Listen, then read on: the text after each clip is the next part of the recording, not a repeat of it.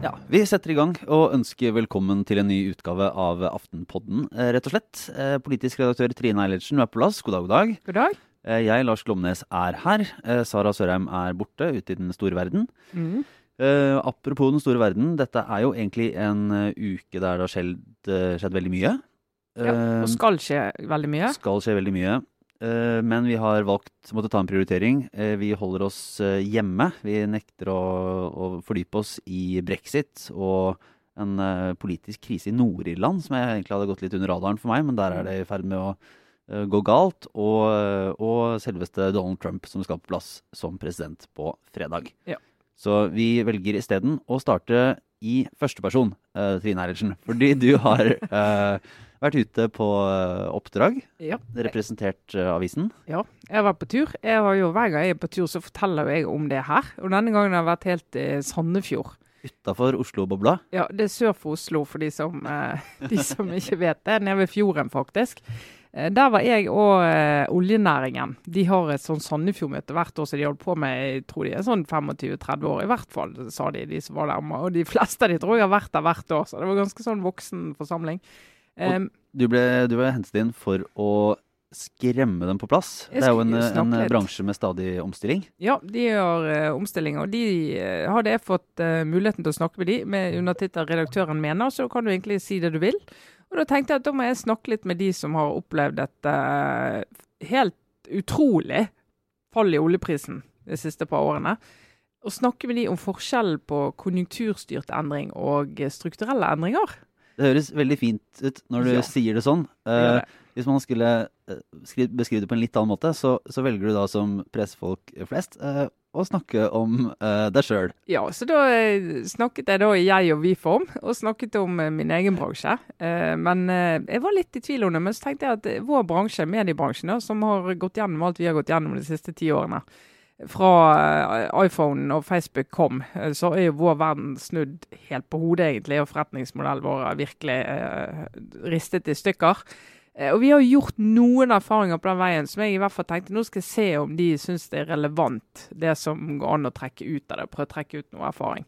Eh, og inntrykket mitt var at de syns det var eh, interessant å høre om det. Og jeg tror faktisk av og til vi i, vår bransje undervurderer hvor grunnleggende den endringen vi har gått gjennom er, som en del andre bransjer. De ser det, de observerer det, og de ser at det skjer en god del innenfor finans og bank og en del sånn markeder. Eh, og så vet de at det kommer til de også, men det har ikke helt kommet ennå. Så de er litt der vi var i 2003-2005 og tenker at jeg ser det kommer. Jeg, jeg aner det på kroppen, jeg ser det rundt meg. Jeg vet ikke akkurat når det slår inn og hvordan det blir, men dette må vi være obs på. Fordi det, det, det du da beskriver, er en, eh, en pessimistisk eh, pilen som, eh, som fortsetter å gå nedover. Ja, det gjør han. fordi at i vår bransje blir Altså, vi får aldri tilbake de annonsekronene og det vi hadde da vi var på topp i 2007. De kommer aldri tilbake. Vi har endret oss for godt. Og det lurte på når du snakker med oljebransjen, som har hatt et fall i oljeprisen. Så var han var oppe i 115 dollar ish for fatet, og raste til under 30 dollar på, på ganske kort tid. Og det påvirker selvfølgelig alle deler av den bransjen. Lønnsomheten i alle prosjektene, viljen til å investere, evnen til å investere, inntjening, overskudd, skatteinngang til den norske stat. Altså ufattelig mange størrelser som påvirkes av det. Arbeidsledigheten øker. Eh, og da er liksom spørsmålet til de, sitter de nå bare og venter på at prisen skal gå opp igjen, sånn at de kan fortsette som før? De hadde jo et helt utrolig kostnadsnivå annet i den bransjen i mange år, utviklet seg. Eh, eller ser de også at det er grunnleggende endringer på gang både i energimarkedet, i konkurransebildet, fornybar øker som bare det. og Hvordan skal de håndtere det? Så Et av de spørsmålene jeg stilte, da, var hvorfor flyr vi en haug med folk ut på norske plattformer med helikopter hver dag? Hvorfor styres ikke de fra land? Eh, Da var det i hvert fall en som sa med at den teknologien fins jo, det kan vi godt gjøre. Eh, Men vi, vi har ikke helt fått det sparket bak til å ta det steget. og ja, krevende. Så jeg tror det kommer til å skje svært, svært store endringer i den bransjen òg. Var det tydelig, Det er jo et, et klassisk uh, spørsmål, men var det tydelig, bar, eh, bar stemningen og eh, si, serveringen preg av uh, at dette er en bransje som uh, sitter med sparekniven fremme? Stemningen bar preg av det, serveringen bar ikke preg av det. Det var, det var svært omfattende servering. Dette er jo folk som tror jeg er vant til å spise mye god mat, så de hadde vel ikke kommet hvis det var mindre enn dette.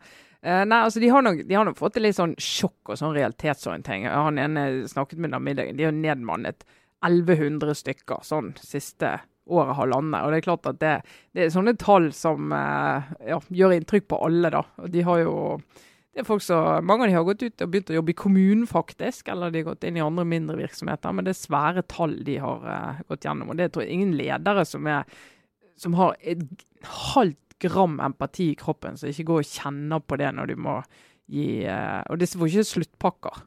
De blir oppsagt. Det er rett ut, liksom. Det er helt annen brutalitet enn vi er vant til. Og mens eh, da oljebransjen eh, sitter og diskuterer sin fremtid, og det er sikkert litt på grønne skifter og miljø og alt mulig rart, Definitivt, så har det, har det vært den store dieselbiluka i Oslo. Eh, sjokk og vantro når, eh, når det faktisk ble gjennomført et dieselbilforbud. eh, etter, etter nye regler, fordi luftforurensningen var, eh, var såpass ille her denne uken. Har det, har det, preget, har det preget livet ditt, Trine? Nei. Jeg har ikke dieselbil, skal aldri ha det. Og jeg tror det er bruktmarkedet for dieselbiler. Det tror jeg, det tror jeg virkelig. Der bunnen falt ut, Lars. Så- hvis du- si det til meg. Da. Hvis du nå skal selge dieselbilen, tror du må dra til Finnmark eller Ja. et eller annet sted der de tror på den slags. Ja. Uh, nei, altså dette er jo det har, det har eh, forskriften og den regelen si, har jo ligget der hele tiden. Når verdiene passerer sånn og sånn, så slår dette inn. Uh, og så har jo Oslo, som, uh, som Bergen har gjort for en stund siden, og derfor har de det regelverket som fungerer allerede. De, bare, de øker jo bompengene de dagene, sånn at det rammer alle mer enn det gjør hvis du bare plukker dieselbiler. Men så er det jo dieselutslippene da, som regnes som problem akkurat når det er den type støv som er problemstillingen. Ja, og Oslo har ikke rukket å få godkjenning fra Samferdselsdepartementet for hvordan de kan gjennomføre en sånn økt, felles økt bompengeplan. Da. Så derfor så var det et, et helt forbud. Men eh, det mange nå har gått og ergra seg over, og det har vært på forsidene av eh, både Aftenposten og VG, og sikkert eh, flere også, er jo dette, det faktum at avgiftene på dieselbil ble satt ned fra, fra 2007, var det vel. Um, og således ble sett som et uh, insentiv eh, og en beskjed fra regjeringen, den daværende rød-grønne regjeringen om at det var dieselbiler man ville ha. Um, Syns du at forbrukerne, har- kjøperne, har de grunn til å være, føle seg lurt, eller er det, et, uh, på måte, er det bare en uh, Altså, sånn utviklingens gang? Det, må jeg nesten spørre deg som har kjøpt dieselbil, Lars. Føler du det lurt? Jeg kjøpte jo aldri dieselbil på det grunnlaget, men Ja. jeg var ikke i markedet for å kjøpe bil den gangen. Uh, nei, jeg, Nei, det var ikke det som var avgjørende, var det det? Nei. Det er Nei, altså, klart det var jo, det var, altså, de, politikerne de signaliserer jo noe da, når de endrer avgiftene på den måten. Og så sier de, om de ikke sier, som det er blitt påstått at uh, Jens Stoltenberg sier, og det kommer vi jo tilbake til, at nå oppfordrer vi alle til å gå ut og kjøpe dieselbil. Eh, og, og så gjorde alle det, og nå se hva som skjedde. Eh, så, så er klart det er jo et signal i en sånn avgiftsendring hvor de sier at vi ønsker at flere skal kjøpe det enn bensinbil. Eh, Så, så det er jo et ønsket, det er jo en villet politikk. altså Det er jo en politikk her som vil at andelen dieselbiler skal opp i en periode. Ja, og fordi, altså grunnen til dette er jo fordi at, at dieselbiler har, har lavere CO2-utslipp. Så på et, et klimaperspektiv så er det bedre å kjøre dieselbil. Ja. Men et lokal eh, Svevestøvperspektiv. svevestøvsperspektiv Ja. NOx-utslippsperspektiv, så er, er for mange dieselbiler innenfor et lite område Ja. under visse værforhold eh, veldig uheldig. Ja. Jeg vet ikke, jeg hadde jo store planer om å, om å kjøre ut og stå på ski og være aktiv i kveldsvaktuka mi denne uka. Eh, De ble, måtte, måtte skrotes når Mm. bilen eh, sto. Men eh, jeg vet ikke helt om det kan, kan sies å, å være, være lureri som sådan. Nei, altså jeg tror For det første så er det jo det er ti år siden den avgiftsendringen. Og det har jo vært snakket om dette flere ganger. Og det har vært konstatert at den, den luften i Oslo og Bergen og en del av de byene er direkte helseskadelig. Altså på de dagene. Og det er jo ikke mange dager i året. Det er de dagene det er vindstille og masse, det er kaldt så du har masse vedfyring og luften sirkulerer ikke. Og, og du har eh, disse, denne dieseleffekten, da. Eh, Så én dag har det vært eh, så langt. Så det det, det kommer veldig brått på de det gjelder. Skjønner jo at det rakner litt Ja, for en del som skal Hadde vi hatt Ja. dieselbil, så hadde vi hatt et problem, for å si det sånn. Vi kjører i barnehagen, og det er ganske sånn krevende logistikk. da, Og det er masse minusgrader. Du setter ikke bare ungen i et sykkelsete uten videre, liksom. Så er det ikke nødvendigvis uh, kjempetydelig vis på at én dags uh, reduksjon med noen prosent i dieselbilkjøringen har Altså er, er veldig utslagsgivende for eh, helseeffekten, altså den negative helseeffekten. Jeg tror ikke sånn vi reddet Nei. mange hundre liv i går. Det tror jeg ikke. Men det som i hvert fall er sikkert, er at eh, det er eh, for veldig mange kjempeprovoserende. Og for eksempel for, for denne Frp-studiesirkellederen som gikk ut med et, et utspill som vel Jeg vet ikke, det var noen som sa at det føyer seg inn i, i Fremskrittspartiets ukulturkanon. med, et, med et heftig angrep på eh, Lan Marie Berg, altså samferdsels- og miljøbyråden fra Miljøpartiet De Grønne. eh, som blir eh, på en måte poster girl for, for dette her. Og hun brukte noen uttrykk som jeg tror vi rett og slett ikke skal gjengi Men de fins jo i massevis ute i mediene. Veldig Ja. tilgjengelig, ja. Det var i hvert fall eh, både kalt den Jeg vet ikke, hvor er, vi, hvor er lista? Eh, på- Vietnameser-Megge var jo det ene, da. ja, det var ikke det, det, er ikke det styggeste. Tok det derfra. Ja. Hevdet i etterkant at dette, dette ikke var ment rasistisk, og bare var trøndersk uh, slang. Og oppnådde da at eh, et samlet Trøndelag har uh, samlet seg mot henne og sagt at det er ikke riktig. Men det det i hvert fall gjør, eh, er å illustrere et, et, eh, et poeng som kanskje er, er, går utover akkurat denne saken. Men det er jo den utrolig polariserende effekten som uh, Lan Marie Berg har. Og hun Mm. er jo nå blitt en av de politikerne i Norge som er både uh, mest kjent og klarer å Altså klarer òg, da høres det ut som hun gjør det mm, med vilje, men, men hun uh, blir utsatt for enormt sterke meninger. Mm. Og mye mer eller mindre hat. Ja, og det går på utseende. eh, og det går på Altså, det handler liksom om La meg si det sånn, hvis det hadde vært eh, Rasmus Hansson, da, som var miljøbyrådet i Oslo og skulle fronte dette, så hadde jo han også fått sin andel kjeft, men det hadde jo vært en helt annen ordbruk. eh, som ikke hadde gått på, på de eh, eh, det, det som sto i denne her Facebook-meldingen, blant annet. Og det er en av, det er jo en av de verre, men det, hun har jo vært utsatt for dette helt siden hun begynte. Ja, og, og hvis man ser på hva andre, andre kommentarer troll, da, som, som ikke har uh, mer eller mindre semi-offentlig rolle i et, et uh, annet parti, så er det jo, er det jo karakteristikker og hets uh, hver dag. Ja. Um, og det er jo ja, Det føyer seg jo litt inn i den nettkulturen og i og for seg politikerbehandlingen. Å se hvordan noen som er Kanskje hvis du er ung kvinne, um, ganske pen og ifølge noen da ikke norsk nok, Ja. så fyller du tre kriterier som gjør at du kommer til å få en shitstorm av dimensjoner i sosiale medier. Og da, Ja. da sitter det troll og fyrer seg opp noe helt vanvittig. Og det er ganske Det er ekstremt ulekkert å se den behandlinga hun får i, eh, i sosiale medier, helt uavhengig av hva du tenker om henne som en politiker. Ja, og det er Hadia Tajik har opplevd en del av det samme. Eh, og vi snakket så vidt om Inger Marte Torkelsen, som jo hun ser jo norsk nok ut. Men eh, hun har jo engasjert seg i temaer som bl.a. feminisme. Og så tre temaer. Feminisme, miljø, klima eller innvandring. Hvis du går inn der, eh, ung kvinne. Da ber du jo om eh, en ekstra type bråk som menn er forskånet for. Rett og slett. Og det er litt sånn, kan du si um, uh, Lan Marie Berg er jo ikke en veldig erfaren politiker, og det kan jo diskuteres om hun er en veldig sterk eh, byråd. Eh, jeg syns hun til tider kan være, sånn fra et journaliststandpunkt, kan være litt eh, feig. Hun er blant de politikerne som i veldig stor grad eh, baserer seg på skriftlig kommunikasjon og snakk via rådgivere, og er litt sånn redd for å eh, for å bare stå fram og, og snakke direkte til både velgere og, og medier. Mm. Um, som jeg syns er en, ja, en negativ utvikling. Men, eh, men at det skal vekke så mye negative følelser og hets, det tror jeg ikke har noen ting med eh, politikken å gjøre, egentlig. Det, det er en sånn det er en sånn uh, perfect storm av politiske tema og, uh, og person som, eh, som virkelig fyrer opp. Og det er nok en del som blir provosert fra før av Miljøpartiets til dels moraliserende mm, miljøpolitikk og, og, syn på ting. Men det er ganske det er intenst, det hun blir utsatt for.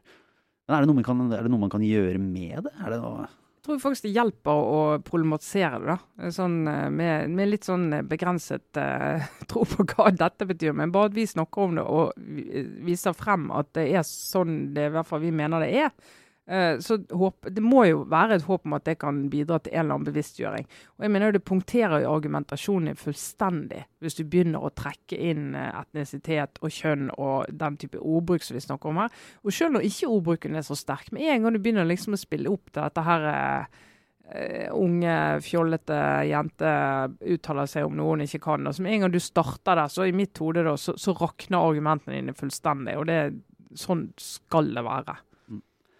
Men øh, hun har jo øh, Hun står jo i, øh, i, denne stormen. Tror du Det er jo flere spørsmål. Vi kommer videre nå også til denne søppelsaken som mm. har, har, fulgt det rød-grønne byrådet i Oslo nå i månedsvis og har vært en, vært en vanskelig sak. Men det at, det at MDG får, får stå midt i disse miljøsakene, er det, er det positivt eller negativt for partiet i Oslo? Har det, noe, har det noe effekt? Det er, jo, det er, jo, noen partier, Fremskrittspartiet har jo hele tida mm, ønsket å stå i, i innvandringsdebatten, f.eks. Og, mm. og i og for seg også noe av klimadebatten, for de vet at sterke meninger og konflikt hjelper dem. Ja, og det at deres saker er på dagsordenen. Altså, sånn på målingene har jo MDG klart seg veldig bra i Oslo. Eh, de eh, har hatt eh, byråd som har frontet kontroversielle saker, tatt vekk parkeringsplasser og holdt på. Men jeg tror de som stemte på MDG, hver gang det skjer, så føler de at ja, men det var det, var det jeg ville ha. Det var det jeg stemte frem. Så jeg tror altså fordi så Det gagner de politisk. Så klart denne søppelsaken Det er for rart for meg å si søppel. Altså, jeg sier Boss-saken. Jeg sier Boss-saken. Jeg, ikke, jeg får ikke lov å skrive det i Aftenposten, det forstår jeg. Men uh, i hvert fall den. Uh, den er jo der, der, ser du for øvrig litt av svakheten til uh, Anne Marie Berg som politiker. da, fordi at hun er, hun er ikke trygg nok til å gå ut og snakke om den saken som gjør på en måte som gjør innbyggerne i Oslo uh, beroliget med tanke på at de har kontroll, noe de ikke har. det må være lov å si. Hun blir veldig sånn lett bytte for eh, for et aggressivt Rødt som står på utsiden og bruker sin soleklare si, plikt og mulighet til å, å, tyne byrådet på denne saken. Ja, for Her har du ros og ja, her er Rødt, ros til Rødt. Bjørnar Moxnes? Ja, jeg mener, det er, jo, det er jo voldsomt sånn eh, snakk om at alle skal samarbeide og sitte i regjering og byråd og alt sånt sammen. og Jo bredere, jo bedre. Og Grunnen til at eh, politikerne tenker at jo bredere, jo bedre, det er jo nettopp det at du kan bli enig sånn i det store og det hele, og ikke få så mye konflikt og kontrovers rundt eh, vanskelige beslutninger. Men hvis alle er med i samarbeid, så får du ikke den effekten du får av å ha Rødt på utsiden i Oslo, som har litt sånn eh, nakketak på byrådet. Uh, og uten å sitte i det, kan gå ut og faktisk tale innbyggernes sak og si vet du, det her er, det er bosskaos i Oslo. Det, det, holder ikke. Det går ikke. Vi kan ikke ha det sånn. Nå har det vært i tre måneder. Nå må dere rydde opp. Og liksom truer med å velte byrådet. Du kan liksom kan si mye om metoden og alt det der, men, men, han gjør jobben sin som representant for innbyggerne i Oslo i den saken. Og det, det altså de har sagt, er at de har jo da mm, varslet et mistillitsforslag mot Berg ja. eh, dersom eh, Veireno, dette selskapet som har overtatt eh, søppelkontrakten med hele Oslo, eh, hvis den kontrakten ikke oppheves, eh, og, ikke, og, hvis ikke man rekommunaliserer søppelhåndteringen da, ja, i Oslo. Og det er jo en litt, litt, sånn rar ting å gjøre, siden nå blir det på en måte bystyret som skal stemme over, over Rødt sin konsekvens. Altså, Vi får jo aldri flertall for det. Nei, for det er jo vanskelig å få med seg et, Ikke mer Høyre på det, for å si det sånn. Nei, et, et, Høyre som da ellers kanskje kunne vært fristet til å felle en byråd, eh, vil ikke gå med på Hvis premisset er at man skal, skal gjennomføre en gammel ordning som Høyre er mot, Nei, så, så skal det litt, eh, litt, mer til. Så da blir det litt sånn, Men det, men det Bjørnar Moxnes kan gjøre, som ikke Høyre kan gjøre, som var med å inngå denne kontrakten, og på en måte en del av enigheten om at det er sånn vi skal gjøre det det er jo også å kritisere hardt og tøft og tale på vegne av innbyggerne. For når Høyre skal sitte og ta sin reaksjon, så blir det litt sånn som Arbeiderpartiet i ulvesaken. er sånn ja, nei, her var det mye rot, her må det ryddes opp, og nå må vi få en løsning. Ja, hvilken løsning da? Nei, altså, det er ikke opp til oss. Det må det, det må det Altså, å, herlighet. Du vet, du får jo helt eksem av å høre på det. Du må, du må, ehm, da er det jo mye mer, mye mer effekt overfor oss mm. innbyggerne, da, når du får en som bare sier dette går ikke an. For det er det alle føler på. Ja. rasende. Og så er det jo, men det er jo. Det er jo fascinerende. Det er jo kanskje, Man snakker jo av og til om, um, om at det ligger igjen snubletråder Mm. når, et, uh, når en, et nytt uh, regime skal ta over, da, enten det er i regjering eller byråd eller andre ting, at, at den foregående uh, legger igjen noen budsjettfeller eller andre ting som kommer til å være litt vanskelig å, å rydde opp i. Jeg, nå antyder jeg ikke at dette var tilsiktet som en, uh, som en aktiv snubletråd fra, fra Høyre-byrådets side. Men det har jo jammen blitt det, for dette var jo en eh, kontrakt som ble inngått av det forrige byrådet. Mm. Um, og det nye har da blitt sittende med et kaos av dårlig levering, nøkler som forsvinner. Uh, var det 32 000 klager, Mm. inkludert fra Raymond Johansen selv? Og, og fra meg, kan jeg bare si. Og fra si. deg, ja. Ja. Det er godt, det er, det er godt med åpenhet, Trine. Skikkelig habil i denne saken. Kan du. Jeg kan da opplyse om at, eh, at uh, søpla i, i min bygård har blitt plukket opp uh, konsekvent og som, eh, som normalt i Ja. hele den perioden. Så Ja, det er, går bra hjemme hos oss nå, men før jul var det, kan jeg bare si. Men jeg, det, jeg, jeg vet ikke om jeg blir mindre eller mer eh, nøytral av den grunn. nei, nei, jeg tror ikke egentlig det. Men det er jo, det er jo klart når byrådet ser altså si, Statens viktigste oppgave det er å passe på innbyggerne. De har voldsmonopol, skal passe på at vi ikke blir utsatt for forferdelige ting. Pass på Derfor har vi forsvar og politi. Ja. Kommunens oppgave er faktisk å holde bosset unna. Og de må rydde bosset. Det må de gjøre. Hvis ikke de klarer det, da da er hele tilliten til systemet rakner. Ja, Sånn uh, italiensk mafiaby. det blir det. Du bare liksom tenker hva er dette her? Hvis Ja. ikke de klarer det, hva klarer Det må de klare. Så dette må, dette må løses. Mm. Uh, var det noe uh, Det er jo flere store hendelser denne uka her, da, i og for seg. Men vi skal vel ikke gå inn i dem alle? Nei, vi har jo Eh, bestemt oss for å at De fleste de går vi De ikke fleste inn lar i. vi, ja. Vi tar, der, vi tar de sakene vi har en, en slags personlig interesse i. Enten vi har deltatt selv, eller uh, har fyrt oss opp Ja, tilstrekkelig. litt sånn jeg-form jeg-form på ja. En jeg-orientert uh, utgave. Uh, men vi har litt eh, obligatorisk refleksjon. Mm. Eh, min uh, obligatorisk refleksjon Jeg hadde egentlig uh, flere å ta av. Eh, jeg kan jo bare først uh, fortsette. Jeg har anbefalt podkasten Keeping It 1600 tidligere, som er da gamle ansatte hos Barack Obama. De har jo nå endret, de har lagt ned den podkasten og startet eh, Pod Save America. eh, Der bl.a. Barack Obama er med på siste utgaven og gjør et intervju. Jeg kan jo fortsatt anbefale den, men jeg må innrømme at det da som var, har vært min favorittpodkast, den har fått noe over seg etter Trump-valget. Det er litt som, eh, som folk som har, eh, har fått en, sånn, en skikkelig smell i livet, enten det er sykdom eller, eller gått på en ordentlig runde. Så de ser at de er litt sånn en skygge av seg selv. Sånn, eh, og mangler litt av den der selvsikkerheten og overskuddet som har vært med tidligere. Nå sitter de og, og slikker sårene sine og prøver å være aktivister mot eh, Trump, og det er, det er, eh, det er tunge tak. Og avslutta setningen med sånn Tror du? Hva? Ja, Litt, ja, ja, etter å ha vært vi vet jo beyond ingenting. Ja. Men uh, det er jo det er i hvert fall uansett interessant. Men den andre obligatoriske refleksjonen er uh, tilbake til en gjenganger, noe jeg tror vi kommer til å snakke mye om i 2017, nemlig dette fake news-begrepet. Uh, og det som startet som en ganske faktisk ting, er nå i ferd med å bli et fullstendig tomt eh, begrep. Ikke minst takket være Donald Trump, som anklager alle som er uenige med ham, uh, mer eller mindre, for å, for å komme med fake news. Uh, og man ser det konsekvent at det er, har blitt et, uh, et angrep mot nyheter man ikke liker, rett og slett. Og det, det gjør at noe som kanskje var en fruktbar og, og ryddig debatt fra start av, er i ferd med å bli helt på jordet. Og veldig veldig vanskelig å forholde seg til. Så mitt eh, tips er at i løpet av 2017 så kommer fake news til å bare miste all sin mening. Ja, vi må i hvert fall skille mellom fake news og dårlig kildekritikk. Dårlig kildekritikk er noe annet, tross alt. Det var jo et eksempel på fake news, eh, faktisk, som jeg vil mene den opprinnelige er. Her Mm. da bl.a. den ellers stødige rådgiver Morten Skauge i Høyre eh, ble tatt for å dele en sånn eh, klassisk eh, Facebook-bilde eh, av Jens Stoltenberg med tilsynelatende undertekster fra det han da sa eh, om at alle burde gå ut og kjøpe dieselbiler i 2007. Um, men det var rett og slett satt sammen eh, av et bilde der eh, Stoltenberg egentlig var og lanserte et eh, skoleprogram på Møllergata skole, og man bare hadde lagt på tekst som Mm. han eh, tilsynelatende aldri har sagt.